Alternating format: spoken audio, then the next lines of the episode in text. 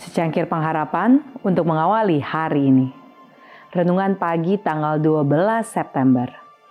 Karena alam menyanyikan pujian baginya. Yesaya 52 ayat 19 mengatakan, Bergembiralah, bersorak-sorailah, bersama-sama, hai reruntuhan Yerusalem. Sebab Tuhan telah menghibur umatnya, telah menebus Yerusalem. Pada mula pertama, Allah dinyatakan dalam segala ciptaannya. Kristuslah yang membentangkan langit dan yang meletakkan dasar bumi ini. Tangannya lah yang menggantungkan segala dunia di angkasa dan yang membentuk segala bunga di padang.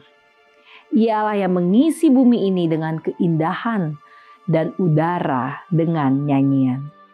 Sebab itu, orang-orang yang diam di ujung-ujung bumi takut kepada tanda-tanda mujizatmu.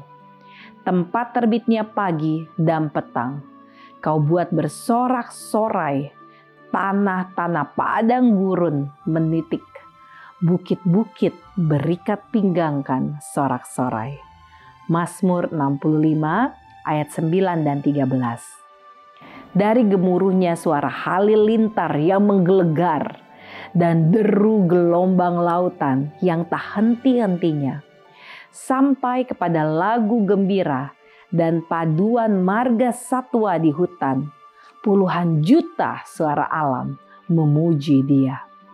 Burung-burung adalah guru-guru pelajaran manis mengenai kepercayaan Bapa kita yang di surga menyediakan makanan untuk mereka. Tetapi mereka harus mengumpulkan makanan itu. Mereka harus membuat sarangnya dan mengasuh anaknya. Setiap saat mereka menghadapi musuh yang berusaha untuk membinasakan mereka. Namun alangkah gembira mereka melakukan pekerjaan mereka. Alangkah penuh sukacita kicauan mereka. Doa kita hari ini, ya Tuhan, kami meminta agar sukacita dan kegembiraan darimu mengelilingi kehidupan kami.